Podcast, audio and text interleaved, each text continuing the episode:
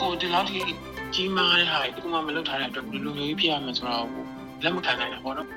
အဲ့ဒီဟိုကလေးအကမလဲဆိုရင်လူလာနဲ့နဲ့လေးလေးတည်းမဲ့အပိတ်ချတာဆိုရင်ပြောမှဆိုရင်သူငွေလှူတဲ့ပမာဏနဲ့ချတဲ့ထက်တာနဲ့ဘလို့မှတော့မှဆက်ဆက်မှုမရှိဘူးလေ ဆီယနာသိမ့်မှုကိုနှီးမျိုးစုံနဲ့ခုခံတော်လှန်နေကြတဲ့အထဲမှာတချို့ကတော့သူတို့ရဲ့အစိုးရဝန်ထမ်းအလုပ်ကိုထွက်လိုက်ကြသလိုတချို့ကလည်းလက်နက်ကင်လန်းစင်ကိုရွေးချယ်ခဲ့တာတွေလည်းရှိပါတယ်။အများစုကခုခံတော်လှန်နေကြတဲ့အဖွဲ့တွေကိုငွေကြေးထောက်ပံ့ပေးနေကြတာပါ။စစ်တပ်ကဗန်ငွေလွှဲပြောင်းတွေကိုပုံမတင်းကျပ်စွာစောင့်ကြည့်လိုက်တဲ့အခါမှာတော့ဒီနီလန်ဟာလည်းအန္တရာယ်ရှိလာပြီးရလက်အနေနဲ့အပြစ်မဲ့ပြည်သူများစွာဟာထောင်ကျခံရနိုင်ခြေများလာခဲ့ပါတယ်။ မင်္ဂလာပါရှင်မြန်မာနိုင်ငံတဝမ်းမှာရှိတဲ့လူခွေရေးနဲ့ပတ်သက်တဲ့အကြောင်းအရာတွေကို တင်ဆက်ပေးနေတဲ့ဒို့အတန်အပတ်စဉ် podcast အစီအစဉ်ကနေကြိုဆိုလိုက်ပါတယ်ဒီစီစဉ်ကို Frontier မြန်မာနဲ့ Foundation Hero Dero ကတင်ဆက်တာဖြစ်ပါတယ်ဒီဆောင်မကို Frontier မြန်မာရဲ့သတင်းတောက်တွေကဆက်လက်တင်ဆက်ပေးသွားမှာပါဆောင်မအတွင်းလုံခြုံရေးအခြေအနေတွေကြောင့်နာမည်နဲ့အတန်တချို့ကို ပြောင်းလဲအသုံးပြုထားပါတယ်ရှင်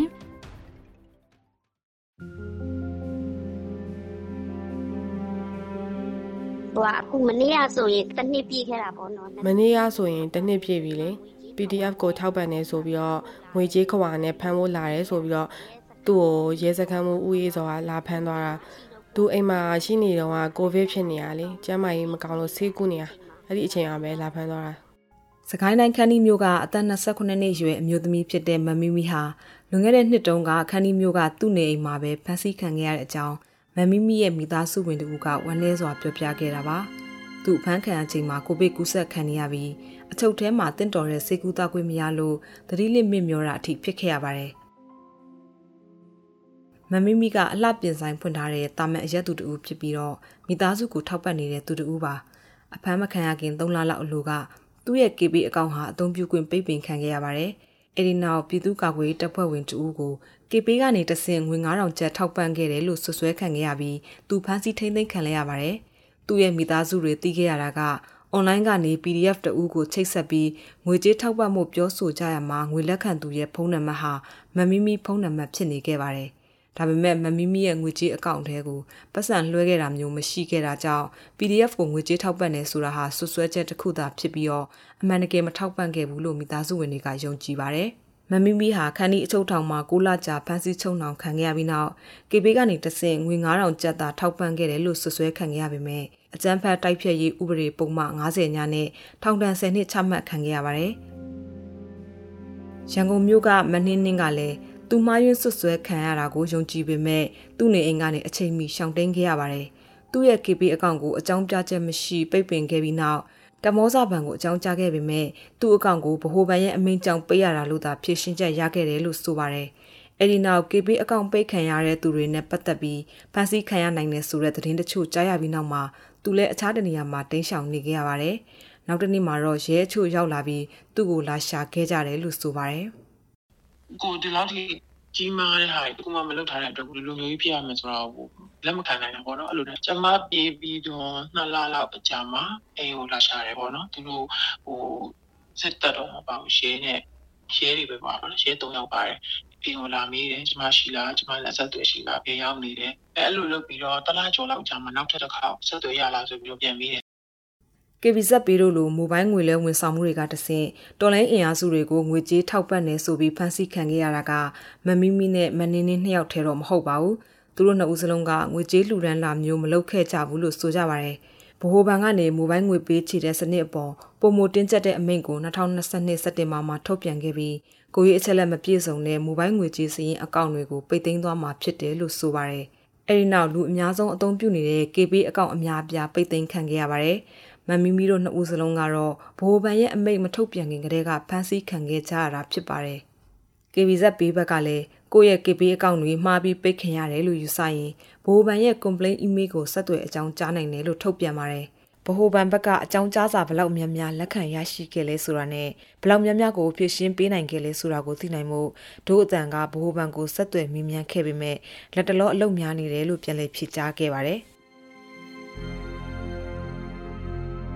အာဏာပိုင်တွေဘက်ကပိတ်သိမ်းတဲ့ KB အသုံးပြုသူတွေထဲမှာကိုရေးအချက်လက်ပြည့်စုံတဲ့အကောင့်တွေပါပါဝင်ခဲ့ပြီးသူတို့တွေကအချို့အကောင့်ပိုင်ရှင်တွေကိုရှာဖွေဖမ်းဆီးတာနဲ့ဖမ်းဝရမ်းထုတ်ပြီးတရားစွဲဆိုတာတွေလုပ်ခဲ့ပါတယ်။ဗဟိုဘဏ်ကထုတ်ပြန်ပြီးတပတ်အကြာမှာတော့စစ်ကောင်စီပြောခွင့်ရဗိုလ်ချုပ်စော်မင်းထွန်းက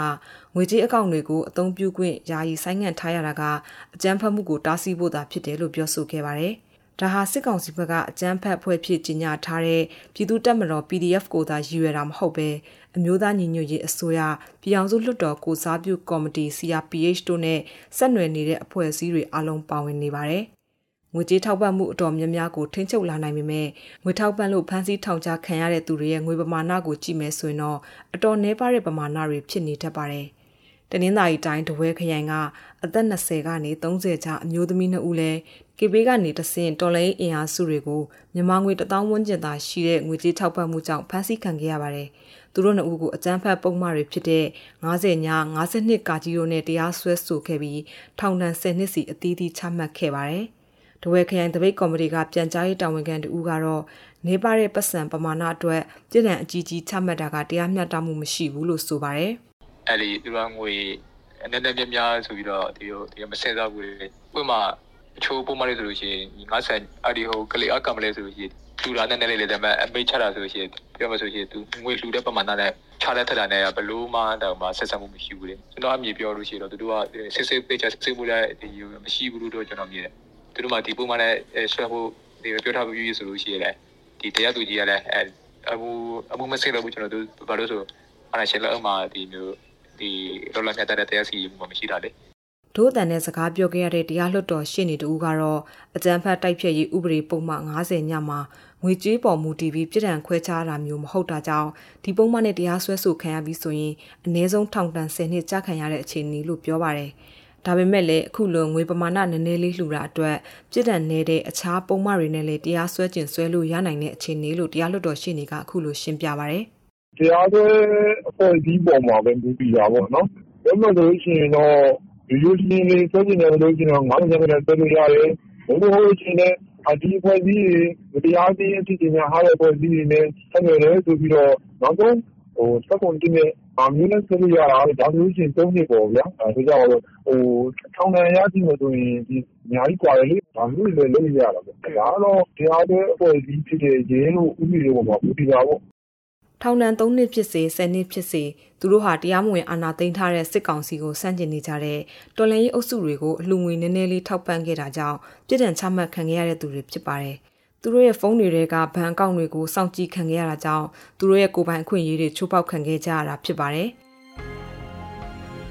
ကဘာကူလာသမဂရဲ့လူခွင့်ရေးကြီးညာစာတမ်းအပိုက်စနစ်မှာတော့မိသူများမိမိရဲ့ကိုရေးကိုရာမိသားစုအိမ်သို့မဟုတ်စာပေးစာယူတို့ကိုနိုင်ထက်စီနဲ့ဝင်ရောက်ဆွတ်ဖက်ခြင်းမပြုသင့်ပါလို့ဖော်ပြပါရှိပါတယ်။အဲ့ဒီအပိုက်မှာပဲလူတိုင်းမှာအဲ့ဒီလိုဝင်ရောက်ဆွတ်ဖက်ခြင်းသို့မဟုတ်တိုက်ခိုက်ခြင်းမှာအကာအကွယ်ပေးပိုင်ခွင့်ရှိတယ်လို့လည်းဆိုထားပါတယ်။မြန်မာနိုင်ငံမှာတော့အာဏာသိမ်းပြီးကတည်းကနိုင်ငံရေးအကျဉ်းသားတွေအတွက်ဒီအခွင့်အရေးတွေဟာမျက်ကွယ်ပြုထားခံရတဲ့အခြေအနေဖြစ်ပါတယ်။ စစ်ကောင်စီလက်ထက်နိုင်ငံရေးနဲ့ဆက်နွယ်တဲ့အမှုတွေကိုလိုက်ပါဆောင်ရွက်ပေးနေတဲ့ရှင်းနေတဲ့အတွက်လုံခြုံရေးအနေနဲ့ရှိတဲ့အခြေအနေတွေကပိုဆိုးလာနေပါတယ်။နိုင်ငံအကျဉ်းသားများကူညီဆောင်ရှောက်ရေးအသင်း AAPP ရဲ့စီးရင်မှာတော့အာဏာသိမ်းပြီးကတည်းကအခုထိရှင်းနေ38ယောက်ဖမ်းဆီးခံထားရတယ်လို့ဖော်ပြပါဗျ။အခြားအမှုလိုက်ရှင်းနေတွေဟာလည်းဖမ်းဆီးခံရမှာကိုစိုးရိမ်နေကြသလိုတရခွင့်အတွင်းမှာလည်းအကန့်အသတ်တွေများစွာနဲ့ရင်ဆိုင်နေကြရပါတယ်။ ခန်းဒီမျိုးကမမီမီရဲ့မိသားစုဝင်တို့ကတော့အမှုအတွက်ရှေ့နေမငားဖို့ပြောဆိုမှုတွေတောင်ခံခဲ့ရတယ်လို့ဆိုပါတယ်။ဟုတ်ကျမတို့စစတုန်းက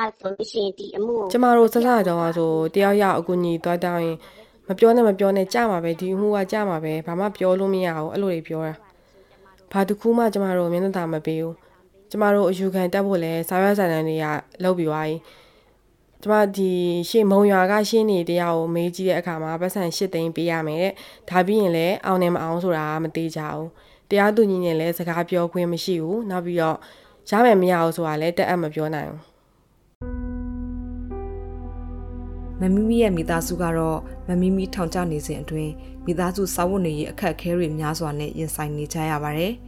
တရားမျှတမှုမရှိဘဲကြည်တံကြခံနေရတဲ့မမီမီလွတ်မြောက်ပြီးအိမ်ပြန်လာကိုမိသားစုတွေကမျှော်လင့်နေပါတယ်။ကျမကတော့အမြန်ဆုံးအားလုံးကိုကျမကတော့အမြန်ဆုံးအားလုံးအနိုင်ရပြီးတော့အမြန်ဆုံးလွတ်ငြိမ်ခွင့်နဲ့ပဲဖြစ်ဖြစ်ဘလို့ပဲဖြစ်ဖြစ်သူတယောက်မှမဟုတ်အားလုံးဒုက္ခရနေတဲ့လူတွေနိုင်ငံရေးအမှုတွေကြာနေတဲ့လူတွေအကုန်လုံးလွတ်စေချင်ပါတယ်